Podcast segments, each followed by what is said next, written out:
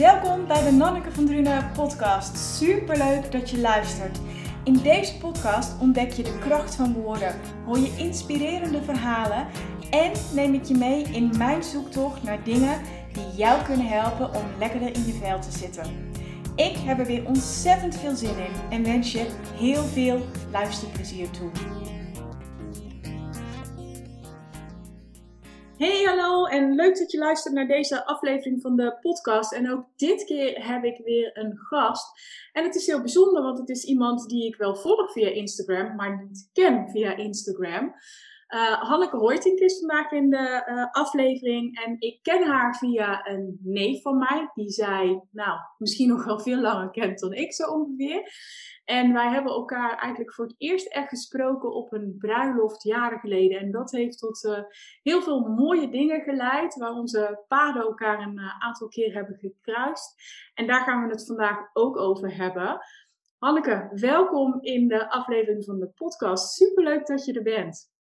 Dankjewel. Dankjewel, Anneke. Ja. ja, want ik zei het net al, hè? wij kennen elkaar via een, een neef van mij. En wij hebben elkaar, denk ik, voor het eerst zo'n beetje gesproken op hun bruiloft. Weet jij nog in welk jaar dat was? Dat weet jij vast. Jij Ja, dat was in 2000, uh, 2008. Ja, ja.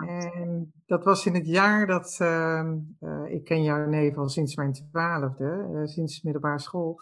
Uh, maar in dat jaar, in die 2008, was het jaar dat, uh, dat ik ging verhuizen met mijn man en drie kinderen naar Thailand. Mm -hmm. En uh, vlak voor die, vlak voor die, voor die verhuizing was die bruiloft. En toen ontmoetten we elkaar.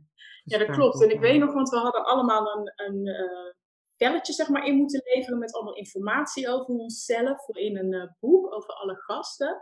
En daarin had ik dus gezegd dat ik op wereldreis zou gaan. En ik weet nog dat we midden in de nacht op de dansvloer stonden. En toen vroeg jij aan mij of dat ik ook van plan was om naar Thailand te gaan. En toen zei ik ja. En toen zei hij heel spontaan: Oh, maar dan kom je ons toch gewoon bezoeken? En ik dacht: Yeah, right. Kei dronken, midden in de nacht. Daar meent ze helemaal geen zak van. Maar ik vond het wel superleuk. Dus toen heb ik jou een mailtje gestuurd en toen zei ik, goh, is dat nou echt uh, serieus? En toen zei hij, ja, hartstikke leuk. Dan ben je onze eerste gast uit, uh, uit Nederland.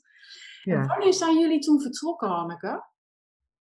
Wij zijn in 2008 vertrokken. En welke maand was dat? Weet je dan nog? Uh, in, volgens mij in september of augustus. Augustus, net, net na de zomer. Ja, precies. En ik ben toen eind september op wereldreis vertrokken.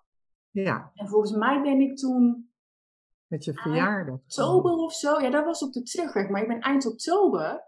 Ben ik toen de eerste keer bij jullie geweest. Ja. En toen zaten jullie in het zuiden van Thailand. Hè? Hoe was dat voor jou? Dan kom je met drie kleine kinderen, een man die daar werkt. Hoe was het voor jou om, om ineens vanuit Amsterdam in Songkla in het zuiden nou, van dat, Thailand te Dat is natuurlijk niet een ineens uh, plan geweest. Uh, ik, uh, uh, mijn man werkte toen in de olie- en gasboring en die werkte altijd een maand op zee. En was een maand thuis. Ja. En um, we hebben elkaar pas op, na mijn dertigste hebben we elkaar pas leren kennen. Um, vervolgens hebben we kinderen gekregen en um, toen, kort na de geboorte van onze eerste zoon, kwam er een tweeling. En hij werkte dus nog steeds die maand op zee en een maand thuis. Uh, was die maand thuis. Uh, ik werkte toen nog in de recruitment, in de modebranche. En ik ben, ehm, kreeg toen de kans om met hem mee te gaan, dus voor zijn werk, om ons in Thailand te gaan vestigen. En eigenlijk was dat gewoon een stiekem droom. Ik heb altijd heel veel gereisd, veel um, rondom de wereld gereisd, ook voordat we elkaar leerden kennen. Ik heb uh, mijn man ook ontmoet in, uh, in Thailand toen ik op een, op een reis was door Azië voor een aantal maanden. En um, ja, dus eigenlijk doordat we die kans kregen, dankzij zijn werk, om ons daar te vestigen, was voor mij niet zo heel moeilijk om daar ja op te zeggen. Ja. Dus we zijn vertrokken met, de tweeling was toen één jaar, zoon was twee jaar. En we hebben gewoon onze spullen gepakt en zijn gegaan naar Songkla in het zuiden van Thailand. Ja, heel bijzonder. Ik, ik, weet nog dat jullie mij opkwamen halen van het, uh, van het vliegveld, jij met de kinderen. En dat ik jouw man echt gewoon in huis tegenkwam en zei: Ja, hallo, ik ben Nanneke. Volgens mij heb ik jou wel op de dansvloer een keer gezien. Ik had, ik had jouw man nog niet eens gesproken voordat ik paar dagen bij jullie in huis zou komen zitten. Dat, dat, vond ik wel echt heel bijzonder. Dat jullie toch ja. zeiden: Nou, weet je, kom maar. Ja, ik denk dat heeft. Uh, uh, ja, het, het, fijne van je huis openstellen is ook van dat. Um, en ook van wonen op verschillende plekken. Uh, maakt ook dat je meer je deur opent voor anderen. En uh, ja, dus dat hebben we eigenlijk altijd gedaan. En dat leidt tot de mooiste, uh, mooiste ontmoetingen. Ja, dat klopt. Dus we, hebben veel, daarom, we hebben veel bezoek gehad. Veel bezoek in Thailand. Ja, Geliefd land uit, ja. om te zijn. Ja, en, en hoe was het voor jou om, om in Thailand te wonen? Nou, voor mij was het uh, um, natuurlijk in eerste instantie lastig om mijn werk achter te laten. Ik had een goede carrière, als je dat zo mag noemen. Ik werkte bij een ehm, millingsbureau van, met mijn, van mijn zus. Mm-hmm. En uh, sowieso daar afscheid van te nemen. Dus je carrière los te laten op je 38ste. Terwijl je dan allemaal naar een soort hoogtepunt aan het werken breng, bent. Ja. Uh, dat is een keuze. En dat dat is wel iets van uh, waar uh, met name ook mijn moeder heel veel moeite mee had. En zeker ook om, niet alleen om het missen van de kleinkinderen, maar met name ook ehm, ja, wat dat stoppen met werken betekent. Zij had zoiets van, zo heb ik je niet opgevoed. Zij is zeer geëmancipeerd. Haar moeder werkte ook, zat in het onderwijs, zij zelf ook. En dat ziet van, ja, je moet gewoon voor je eigen brood kunnen zorgen en niet afhankelijk zijn van een man. En dus ik heb een hele mooie brief van haar gehad, maar die kwam ook heel erg binnen. Uh, met echt uh, allemaal vragen daarop, van of ik daar wel goed over nagedacht had. Ja. En tegelijkertijd was dat een beslissing. Uh, ik had nooit kunnen stoppen met werken hier in Nederland vanwege de, de druk die ik daarin voelde om me heen. wonen, werken in Amsterdam, alle vriendinnen die allemaal werken en we allemaal proberen die ballen omhoog te houden met, met, met ondertussen kinderen.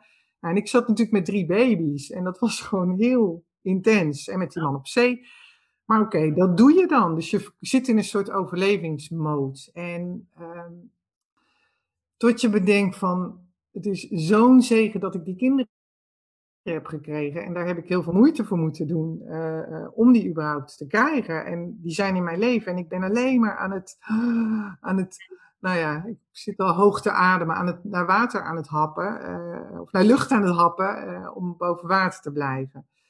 En eigenlijk door die beslissing te kunnen nemen, of jullie had zoiets van, oké, kom naar Thailand, laten we gewoon naar Thailand gaan. En ik zo, ja, vanuit het diepste van mijn hart is dat meer van, oké, ik wil gewoon luisteren naar mijn hart en ik wil, ik wil dat kunnen laten, ja, ik wil kunnen genieten van die kinderen. En niet meer die, die enorme druk om me heen voelen. En natuurlijk kun je de keuze maken om hier in Nederland hè, te stoppen met werk of minder te gaan werken, wat ik al had gedaan, anders de dingen te regelen. Maar ik vond dat heel moeilijk. En eigenlijk dat, dus door de kans die wij hebben gekregen om daaruit te stappen, maakt het in die zin voor mij heel makkelijk om gewoon te zeggen: Oké, ik geef gewoon mijn baan op en ik laat het gewoon gaan en ik stel me open voor wat er dan is. Nou, en wat is er dan? Dan kom je aan in Thailand en dan zit je in Songklen. Dat is geen, um, was in een, uh, het is geen toeristenplek. Uh, er zitten geen, bijna geen expats. Um, heel klein dorp, klein vissersdorp, maar prachtig, prachtig strand. Um, maar waar heel veel uh, moslims wonen en waar je gesluierd eigenlijk naar het strand moet gaan. Dus het is een heel ander Thailand dan dat we, we kennen. En dan zit je daar en met drie kleine blonde kindjes en, oh, uh, en zonder werk. En um, oké, okay, dan wie ben je dan? Dan ja. zit je zogenaamd in dat paradijs. Dus het is heel confronterend in de zin van ja, dat is heel fijn en de zon schijnt. En, um, maar tegelijkertijd um, ja, mis je hè, het gemis van anderen, het gemis van familie. Maar met name confrontatie met je eigen identiteit. Van wie ben ik? Wie ben ik als ik niet meer werk heb? Ja. Uh, wie ben ik? Ben ik dan alleen die moeder? Uh, ben ik alleen die partner? Dus nou, fijn, allemaal rollen die je jezelf aanneemt en die, waarmee je geconfronteerd wordt. En eigenlijk heeft dat heel veel lagen doen afpellen, zo van meer, ehm, meer tot mezelf gebracht, van wie, wie ik daadwerkelijk daarin ben. En dat is een zoektocht, dat is een zoektocht voor ons allemaal. En dat, uh, ja, daar helpt, een, uh, helpt om jezelf in een andere plek neer te zetten. Op wat voor manier dan ook, om afscheid te nemen, te veranderen van baan, te veranderen van relatie, veranderen van plek. Uh, dat leert je heel veel. Ik denk van dat is iets van die nieuwsgierigheid in, in het leren, dat is iets van wat ik altijd heb gehad. Dus daarin heb ik um, denk vroeger meer onbewust stappen ondernomen en pas op latere leeftijd echt bewuster. Van, oh nee, ik moet nu, ik voel dat er iets moet, er is een, ontstaat een onrust. Wat is dat? En daar moet ik dan iets mee. Dan, dan weet ik dat ik iets moet veranderen. Alsof je je kompas anders, iets anders aangeeft. Als ik jou dus zo beluister, dan heeft het het uh, proces van jezelf leren kennen enorm versneld. Door dus naar, ja. Thailand uh, emigreren. Ja, absoluut. Absoluut. Ja. En al snel merk je daarvan dat je uh, de mensen die je daar dan weer ontmoet. Ik heb altijd een. Ja, ik heb altijd graag iets voor anderen willen betekenen, anderen willen helpen. Nou, hè, voorheen werkte ik in die modebranche, dat was daar ineens niet meer zo van belang. Uh, dus waar belandde ik weer? Ik belandde weer terug in het onderwijs waar ik ooit ben begonnen. En dus, ja, dus het kwam weer terug met een soort, bij een soort kern van wat, wat zeg maar meer in mij zit. En dus ik ben daar gaan werken op de International School in de creatieve vakken.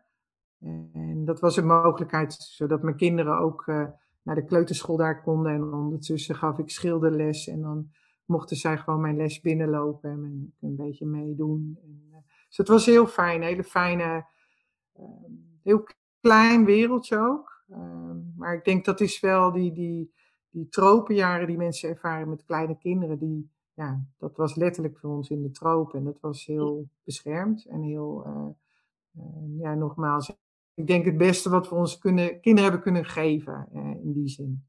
En ook daardoor onszelf. En jouw moeder heeft uiteindelijk vrede gehad met jouw keuze? Of was ze wel heel blij dat je daar ook weer ging werken?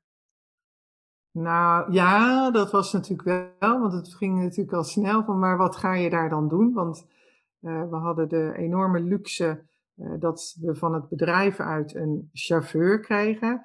Er was een schoonmaak die er iedere dag was, die ook kookte. dus we werden enorm in de watten gelegd. Ineens heb je een soort ja, prinsessenbestaan. bestaan.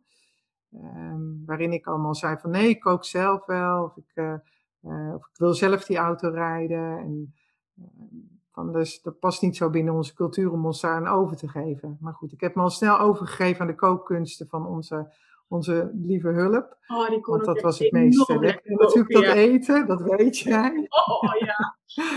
en, en natuurlijk de enorme luxe dat je met drie kinderen gewoon, met drie kleintjes gewoon het huis kan verlaten, het huis in puin op achter kan laten en uh, naar het strand kan gaan. En weer terugkomen en er staat gewoon eten op tafel.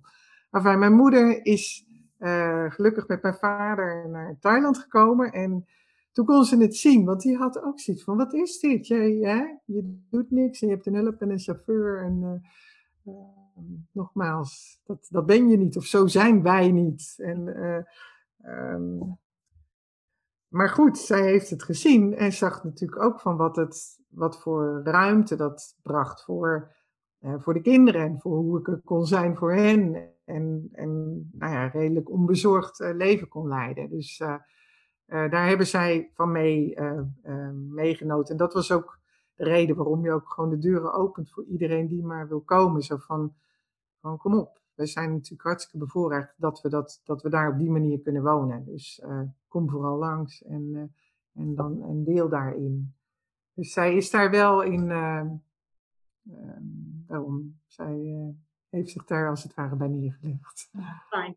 Ja, en ik ben aan het, redelijk aan het begin van mijn reis ben ik bij jullie geweest. En ik weet nog dat ik eigenlijk heel graag naar Fiji had gewild. Maar toen dacht ik, ja, dat is aan het eind van mijn reis. En dan word ik dadelijk 30 in mijn uppie op Fiji. En dat vond ik echt zo schraal dat ik nog weet dat ik uh, jou heb gemaild. En er was een of andere feestboot waar we het toen over hadden gehad. Een hele foute feestboot.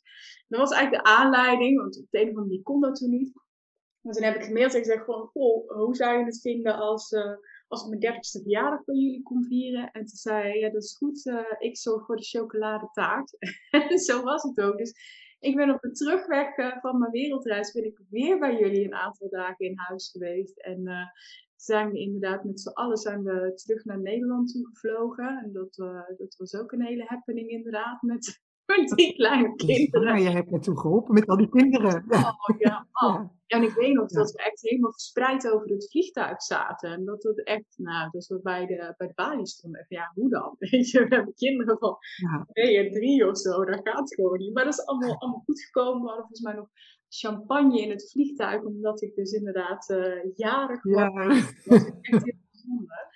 Maar ik weet jullie daarna nog een keer komen opzoeken, want we gaan een paar jaar fast forward de toekomst in. Hoe lang hebben jullie in Thailand gewoond, Anneke, in totaal? We hebben drie jaar in Thailand gewoond en toen uh, kwam er weer een andere uh, mogelijkheid voor mijn man om te gaan werken in Sydney dit keer.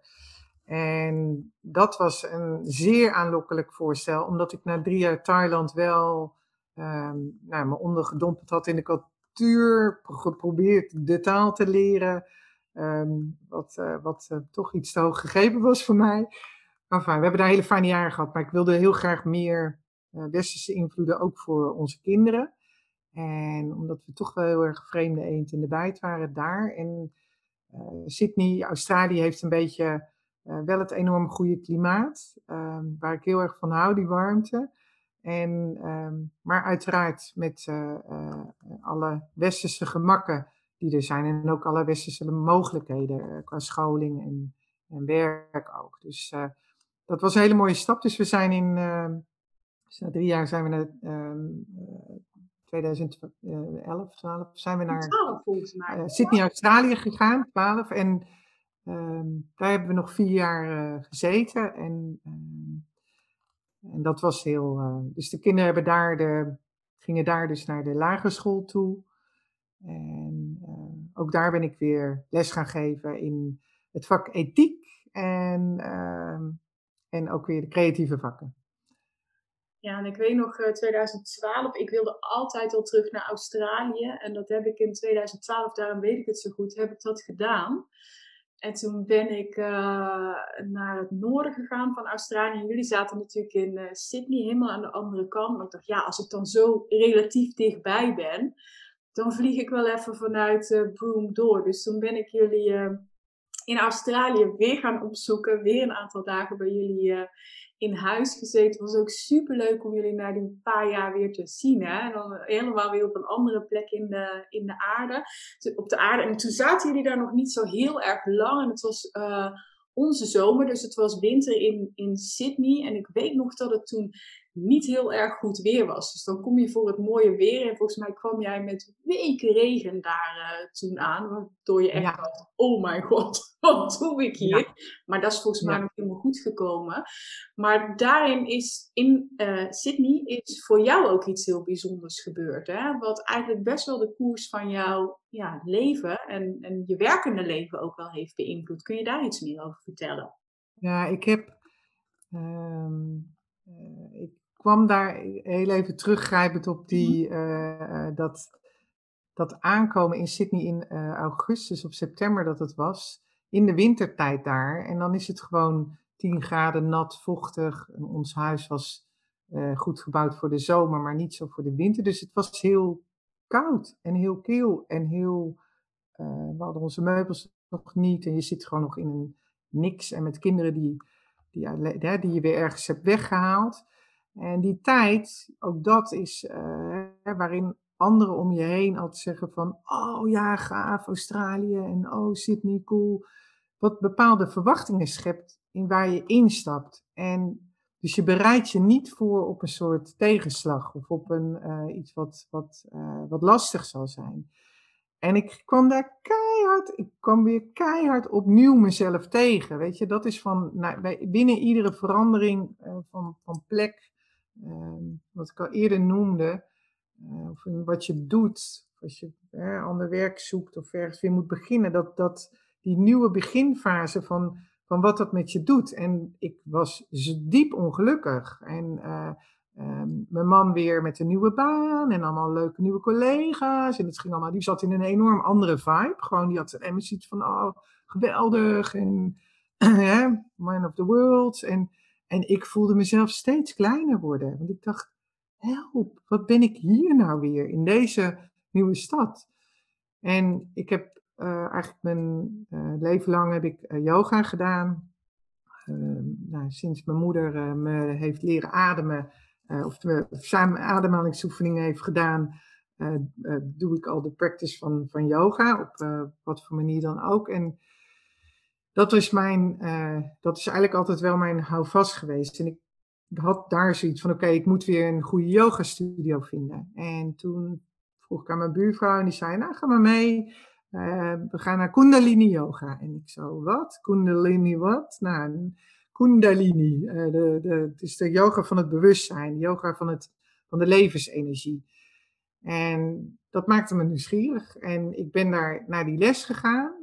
En ik was in die les. En daar werd, zaten allemaal mensen met witte tulbanden om en in het wit gekleed. En uh, er werd gechant en er werden uh, enorme uh, heftige bewegingen gedaan en geschokt en geshaked en gechant. En, en, ik, en er werd een, bij de ontspanning werd een, op een gong gespeeld. En ik had me ik, ik, daar, dat was een, ik dacht, waar ben ik nu in beland? Van, ja. oh die, van wat is dit? En voor het eerst um, deed ik ehm, bewegingen zoals je kent uh, uit andere vormen van yoga. En ik, uh, um, maar bewegingen werden herhaald of langer vastgehouden. En, dus het was totaal onbekend in de zin van met, andere, met een andere hatha yoga, wat ik eerder deed.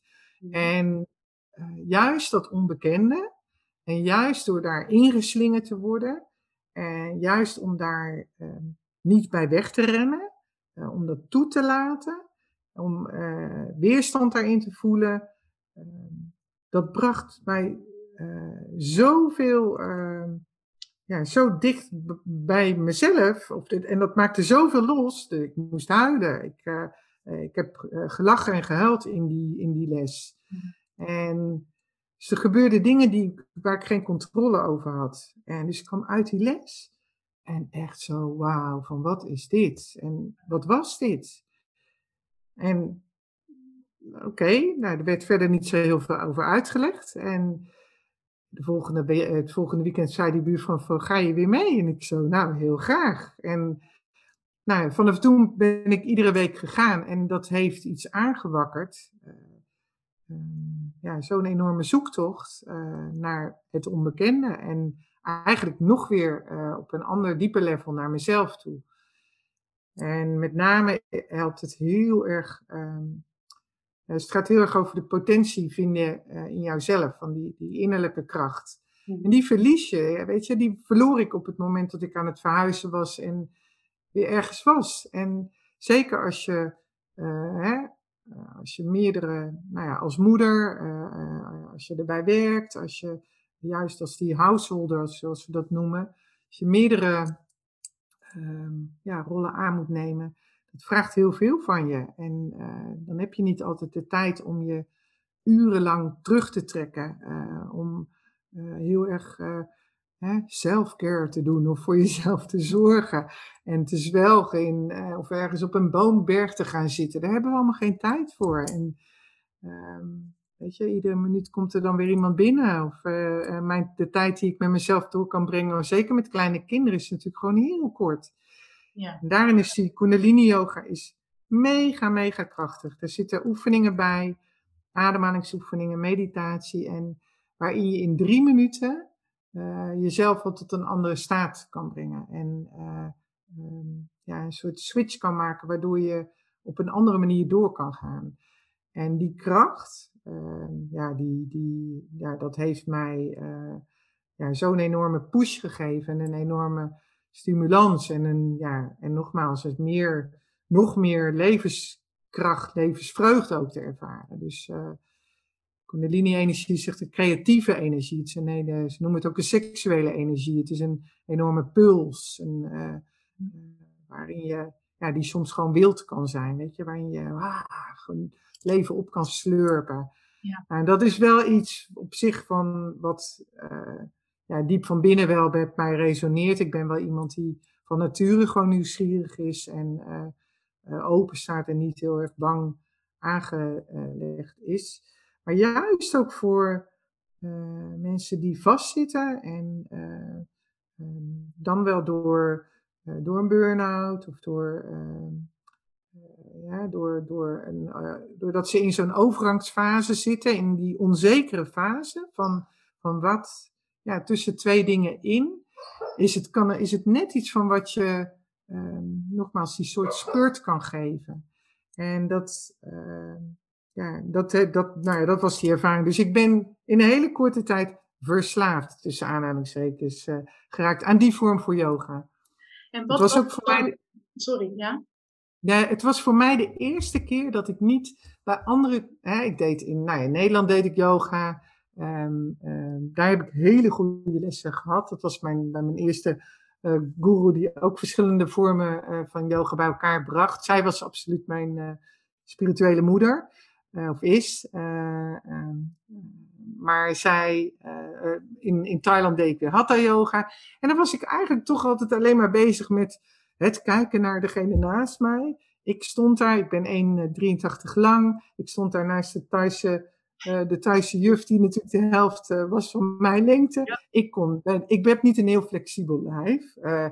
ik had ook altijd het idee van nee, ehm, dat, ja, dat, ik, ik, kan nooit een yogalerares worden, want dat word ik wel in een volgend leven. Um, ja, ik ben nou eenmaal stijf.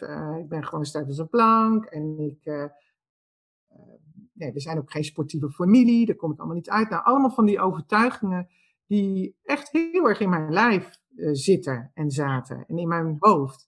Mm. En op het moment dat ik die, die, uh, die lessen, uh, of nee, ja, met, met die, met die hatha yoga of met andere vormen van yoga, was ik alleen maar van, oh, die ander kan dat been wel omhoog brengen en die kan het wel ophouden. Dus alleen maar buiten mezelf was ik bezig. En ondertussen heel erg geconfronteerd met, met mezelf en mezelf vergelijken en daardoor mezelf klein maken. En natuurlijk, yoga gaat om naar binnen gaan. Maar oké, hoe moeilijk is dat? En hoeveel lef is daarvoor nodig? Het mhm. moeilijkste is om te gaan zitten, stil te zitten, je ogen dicht te doen en dan komt alles boven. Help gewoon. Dus dat, en dat lukt, nou ja, bij mij is uh, bij die Kundalini yoga was voor mij eigenlijk uh, terugkijken het eerste moment dat ik dat kon loslaten, dat vergelijken met anderen. Uh, omdat het niet zo gaat over die perfecte poster. Uh, um, dus dat heeft ja, voor mij heel veel geopend daarin. En waardoor, ik, waardoor er gewoon meer van mezelf mag zijn. Ja, want je zei net wat jouw eerste ervaring, dat het lachen was, huilen was, best wel een intensieve ervaring.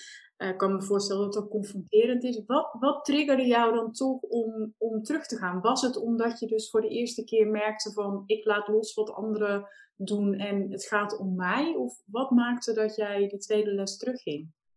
Dat er iets geraakt wordt in mij um, waarvan ik niet eens wist dat het er was.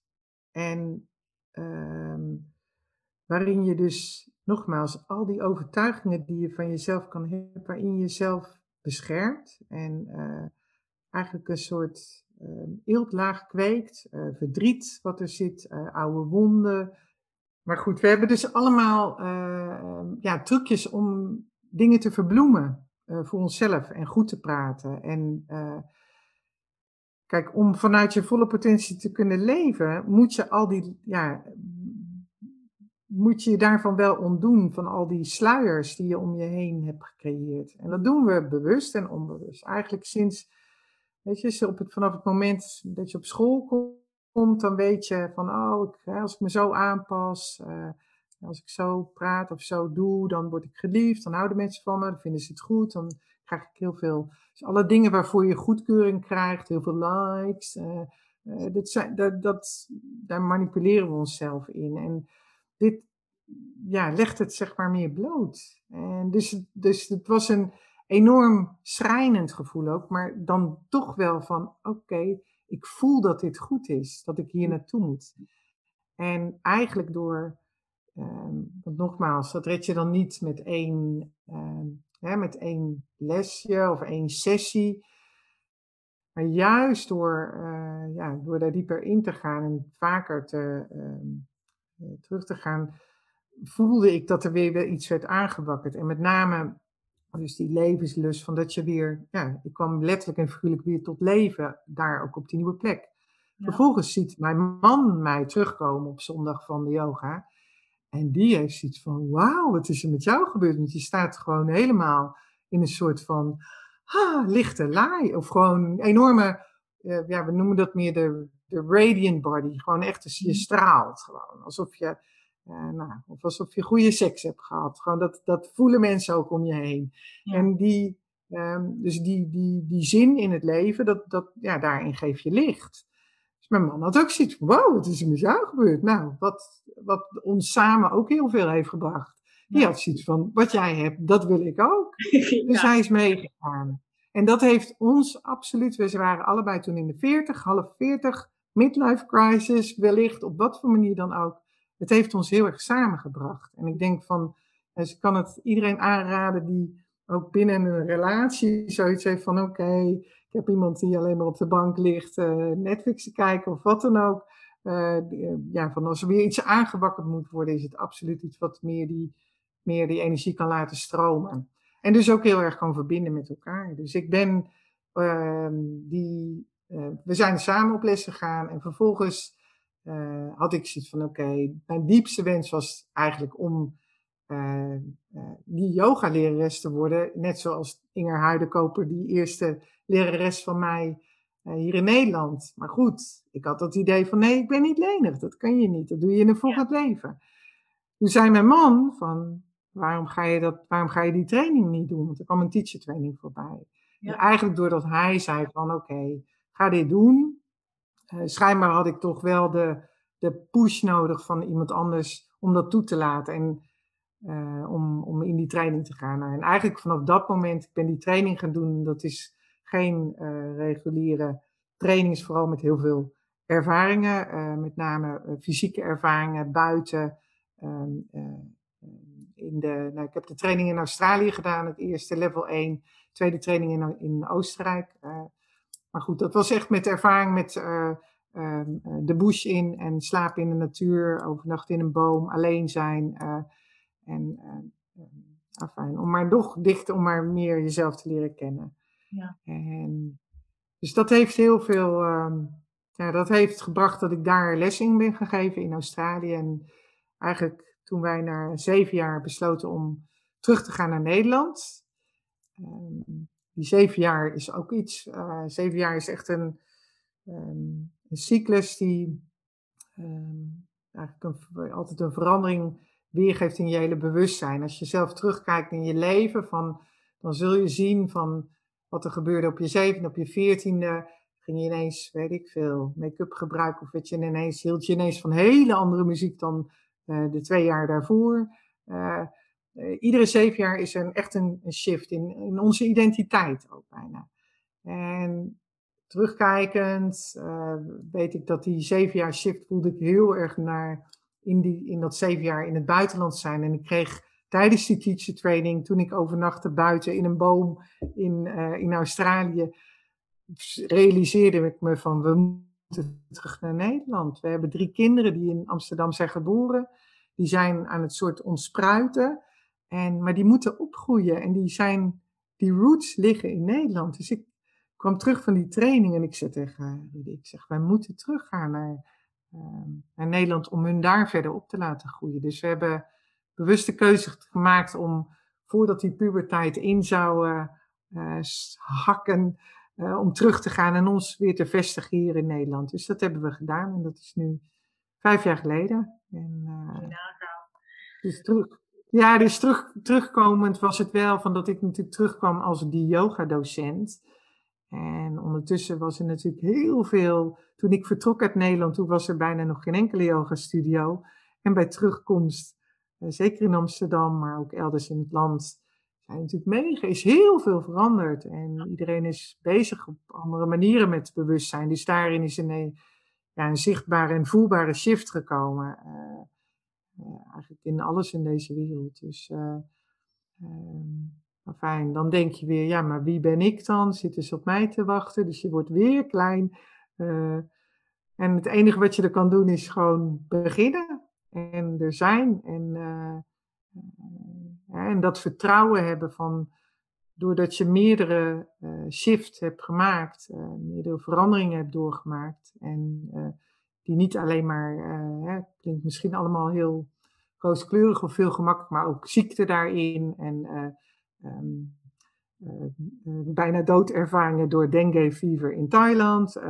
Weet je, allemaal van dat soort punten waarop je weet van als je eerdere shifts zeg maar makkelijker hebt doorgebracht, dan ben je, dat geeft vertrouwen. Of daar mag je altijd op vertrouwen van dat dat, dat dat dan wel weer goed komt. Als je voelt op dat, dat je op dat keerpunt staat. En eigenlijk jezelf voelt wiebelen. En daarin is die practice voor mij van Kundalini Yoga en meditatie. Ja, dat is daarom een, een dagelijks iets geworden. En uh, dat is het begin van mijn dag. Uh, ik uh, zit op de mat en sinds de coronatijd, sinds de COVID ons heeft bereikt, heb ik die, zit ik samen met anderen op een mat. ik gaf les in een studio, maar goed, die gingen natuurlijk dicht. En ik heb besloten om toen om het moment dat ik om zeven uur op de mat zit, zo van, oké, waarom zet ik gewoon niet de Zoom aan en gaan we het samen doen? Nou, eigenlijk is dat een, uh, uh, er is een groep ontstaan die eigenlijk alleen maar veel groter is geworden.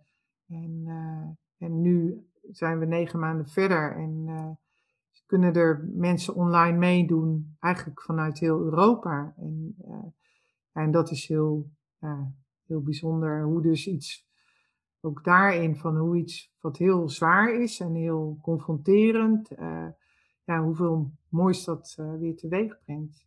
Absoluut. En ik voel zeker van dat deze, we zitten echt, we zitten zo op een keerpunt. We zitten nu, nou ja, de, de dag waarop wij deze podcast opnemen, de 21 december is een bijzondere dag ook, is ook weer, we gaan echt een nieuwe tijd in. En ja, van, nog meer, ja, van nog meer expansie, van nog meer onszelf groter maken en dan andere verbindenissen met elkaar, andere samenwerkingen ook. En als je dat voelt, als je dat weet, dan, dan, moet je, dan moet je daarvan gebruik maken. Uh, om meer naar elkaar uit te reiken, zodat je gewoon meer met elkaar verbonden bent.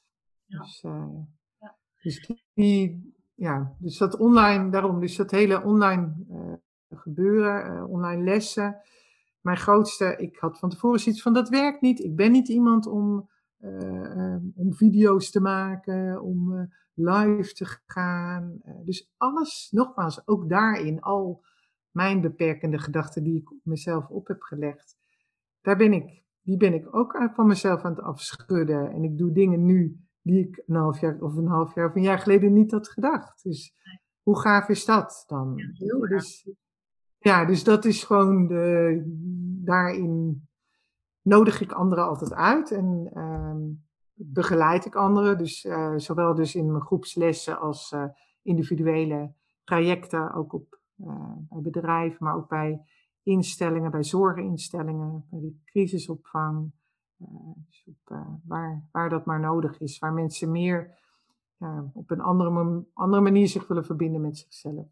Nou, als je nou kijkt naar uh, Kundalini yoga ten opzichte van bijvoorbeeld een Hatha of een, of een Vinyasa, je hebt het al een beetje tussen neus en lippen door verteld, maar waarin onderscheidt het zich nou ten opzichte van uh, andere yogavormen? Nou, ik denk, kijk, concreet heb je natuurlijk, je hebt uh, uh, dezelfde posture, je hebt een aantal dezelfde postures, de, de downward dog of um, een cobra of dat soort postures heb je wel. verder bestaan er ook ademhalings, krachtige ademhalingstechnieken. Um, die zijn krachtig, specifieker, dus het werkt heel erg op die ademhaling, heel erg je... Um, dus het is heel goed om je longen te versterken, te vergroten. Het werkt bewegingen zijn vaak dynamischer, dus ook met bewegingen, waardoor je meer je hele klierenstelsel stimuleert. En dat is iets, ehm, dus het legt veel druk op je zenuwstelsel, zet veel stress op je hele systeem. maar juist ook dat bewegen, dat ehm, maakt meer dat die, dat die klieren beter gaan werken. Wat heel goed is voor ons hele, onder andere ons hele hormoonstelsel. Ik ben zelf in de leeftijd, ik ben nu 52, uh, overgang. Ehm, ook daarin merk je van oké, ja, we moeten onszelf, je moet dat blijven, je moet je lijf juicy weten te houden. Anders drogen we op, dan verzuren we. dus dat, en dat is iets wat niemand wil. Je wil niet verstijven, je wil niet verzuren, je wil, je wil dat het blijft dat je lekker in je vel zit. En daarin geeft Kundalini Yoga heel duidelijk technieken uh, uh, om dus ja, veel meer contact te maken met je lijf. En dus, dus je fysieke lijf. Dus heel veel mensen beginnen natuurlijk puur fysiek eerst. Die, die willen gewoon, hè, je wil net die extra kilo's weg hebben of wat soepeler worden. Ja, daar is het goed voor.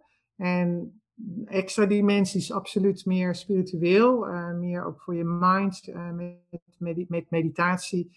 En wat ik zeg, van dat het daarin ander, je tot andere inzichten kan brengen. En meer intapt echt op je intuïtie, op die innerlijke kompas. Je weet welke richting je op moet gaan. En het geeft je veel, ja, het geeft je houvast en uh, meer vastberadenheid en vertrouwen. En, uh, en nogmaals, uh, die dingen kun je ook vinden bij andere vormen van yoga. Ik zelf uh, hou heel erg van yin, van yoga nidra. Ik ben dol op slapen. dus dat is allemaal veel zachter.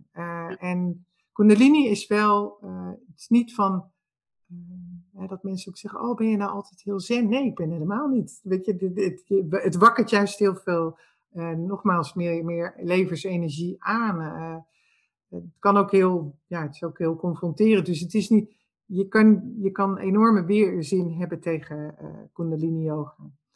Um, het is niet dat ik iedere ochtend opsta um, en uh, denk, jippie, ik ga nu.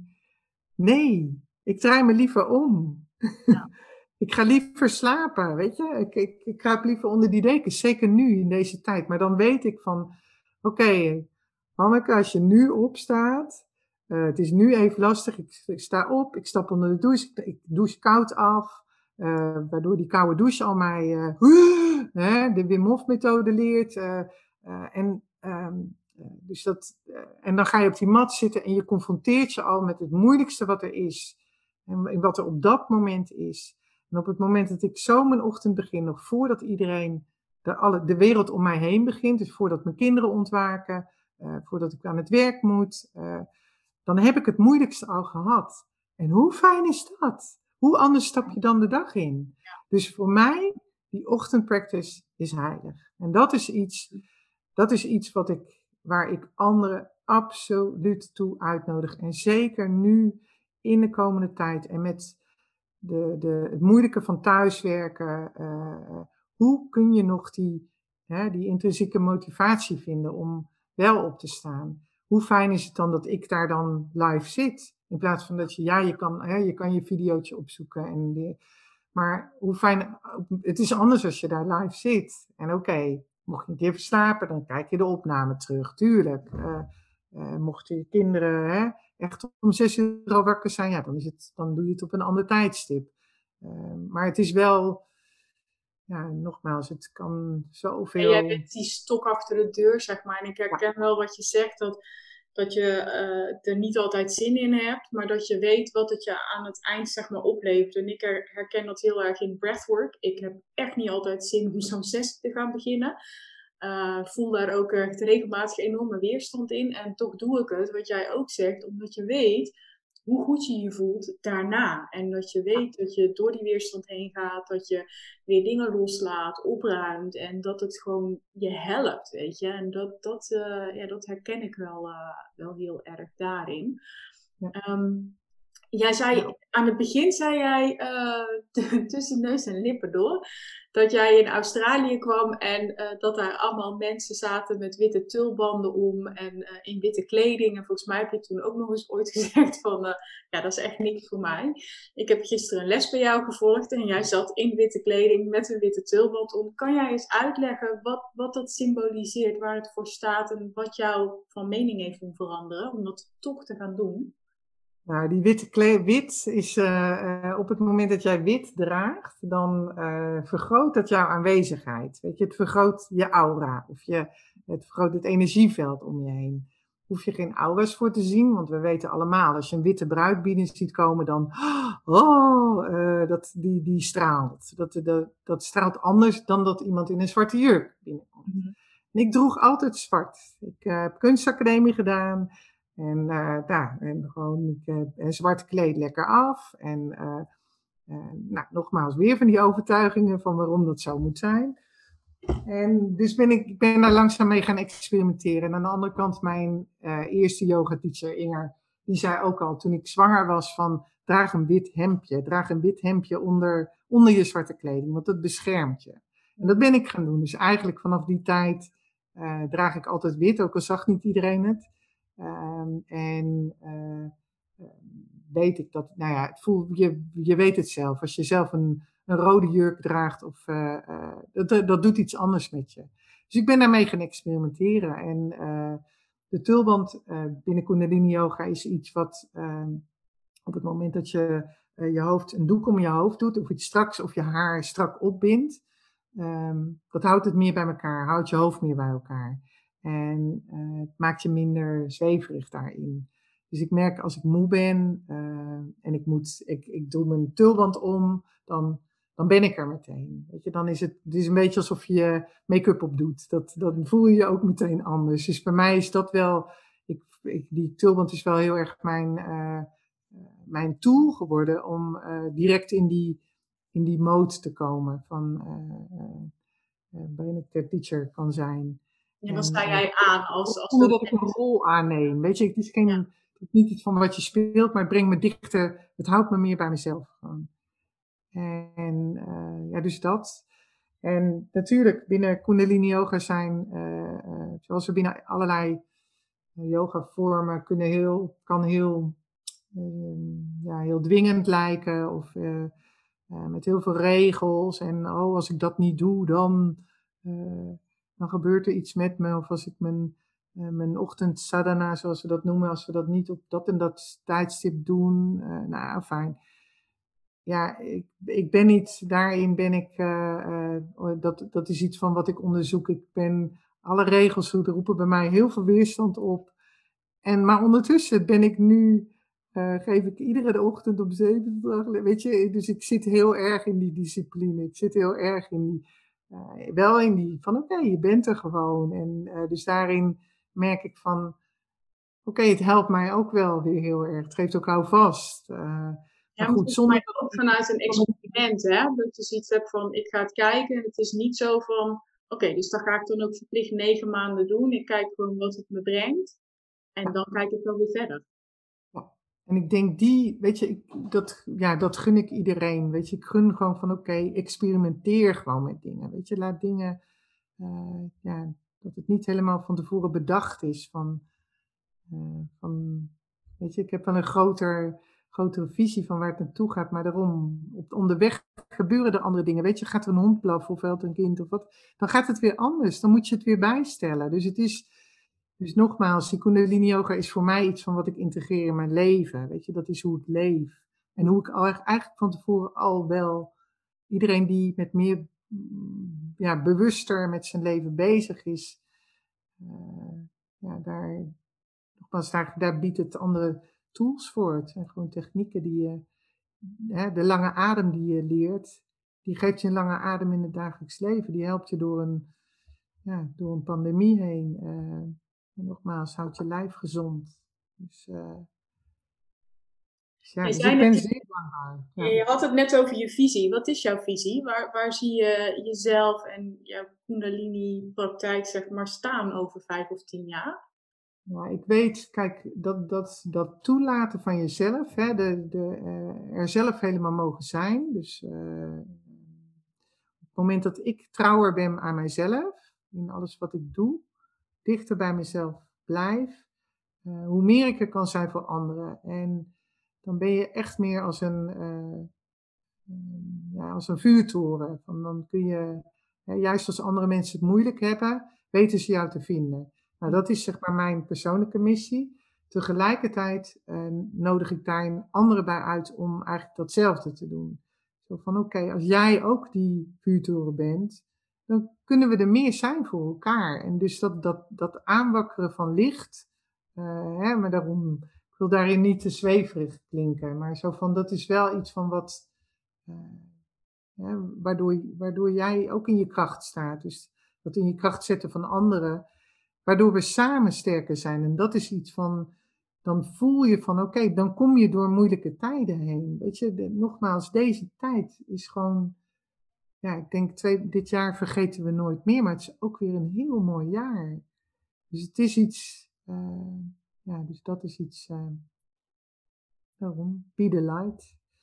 Ja. Het is een spreuk, het is een spreuk van uh, Yogi Bhajan, travel light, live light, spread the light en be the light. En dat, waarom dat be the light is, zegt iets, ja, wat ik iedereen gun. En waar ik je bij kan, waar ik eigenlijk mezelf meer zie als een gids. Dus ik ben meer als een, als een toch als die reisgids. Ik neem je mee op reis, maar dan meer in jezelf. En, uh, dat? Ja, absoluut. En ik vind Be the Light ook wel een hele mooie om uh, mee af te sluiten in deze aflevering. Um, Hanneke, als mensen jou uh, willen volgen, op de hoogte willen blijven, waar kunnen ze dan terecht? Nou, ze kunnen uh, terecht bij uh, kundalini.amsterdam. Dat is de website. En, uh, je mag me ten alle tijden mailen of een bericht sturen. En verder kunnen ze mij vinden onder mijn naam Hanneke Hoytink op Instagram. En op um, mijn studio heet Kundalini Oasis. Oasis dus. Uh, ook op Facebook. Maar daarom kundalini.amsterdam. Dan kom je op de website en dan ben je van harte welkom. Ik heb een, dus in online lessen, maar ook privélessen dus. En ook voor sessies voor op het werk, um, talks, et cetera. Nou, super mooi. Dankjewel voor het delen van jouw verhaal en jouw ervaringen. Superleuk. Mocht je nou als luisteraar denken van nou, ik uh, heb hier iets uh, aan gehad, ik heb een takeaway of uh, een inzicht opgedaan, dan vinden Hanneke en ik het superleuk als je ons dat laat weten. We zijn allebei actief op Instagram. Maak even een screenshot van deze aflevering, deel hem in je stories, tag Hanneke, at Hanneke Hoytink en mij, at van Drunen. Dan worden we daar heel erg blij van. Hanneke, nogmaals, dank je wel. En jij bedankt voor het luisteren. Heel graag tot ziens bij een volgende aflevering. En dan wens ik je voor nu namens Hanneke en mezelf nog een hele fijne dag toe. Doei!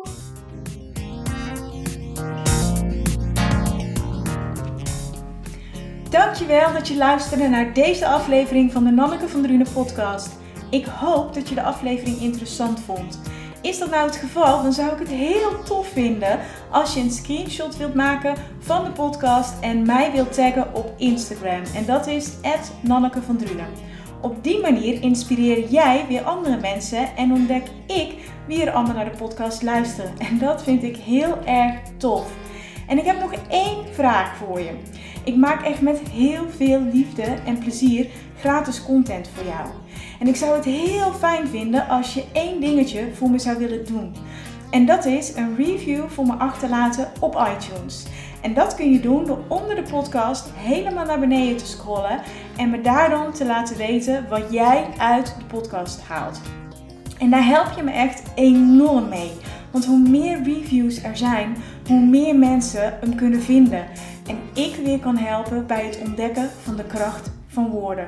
Alvast enorm bedankt en heel graag tot ziens bij een volgende aflevering van de podcast. Fijne dag nog!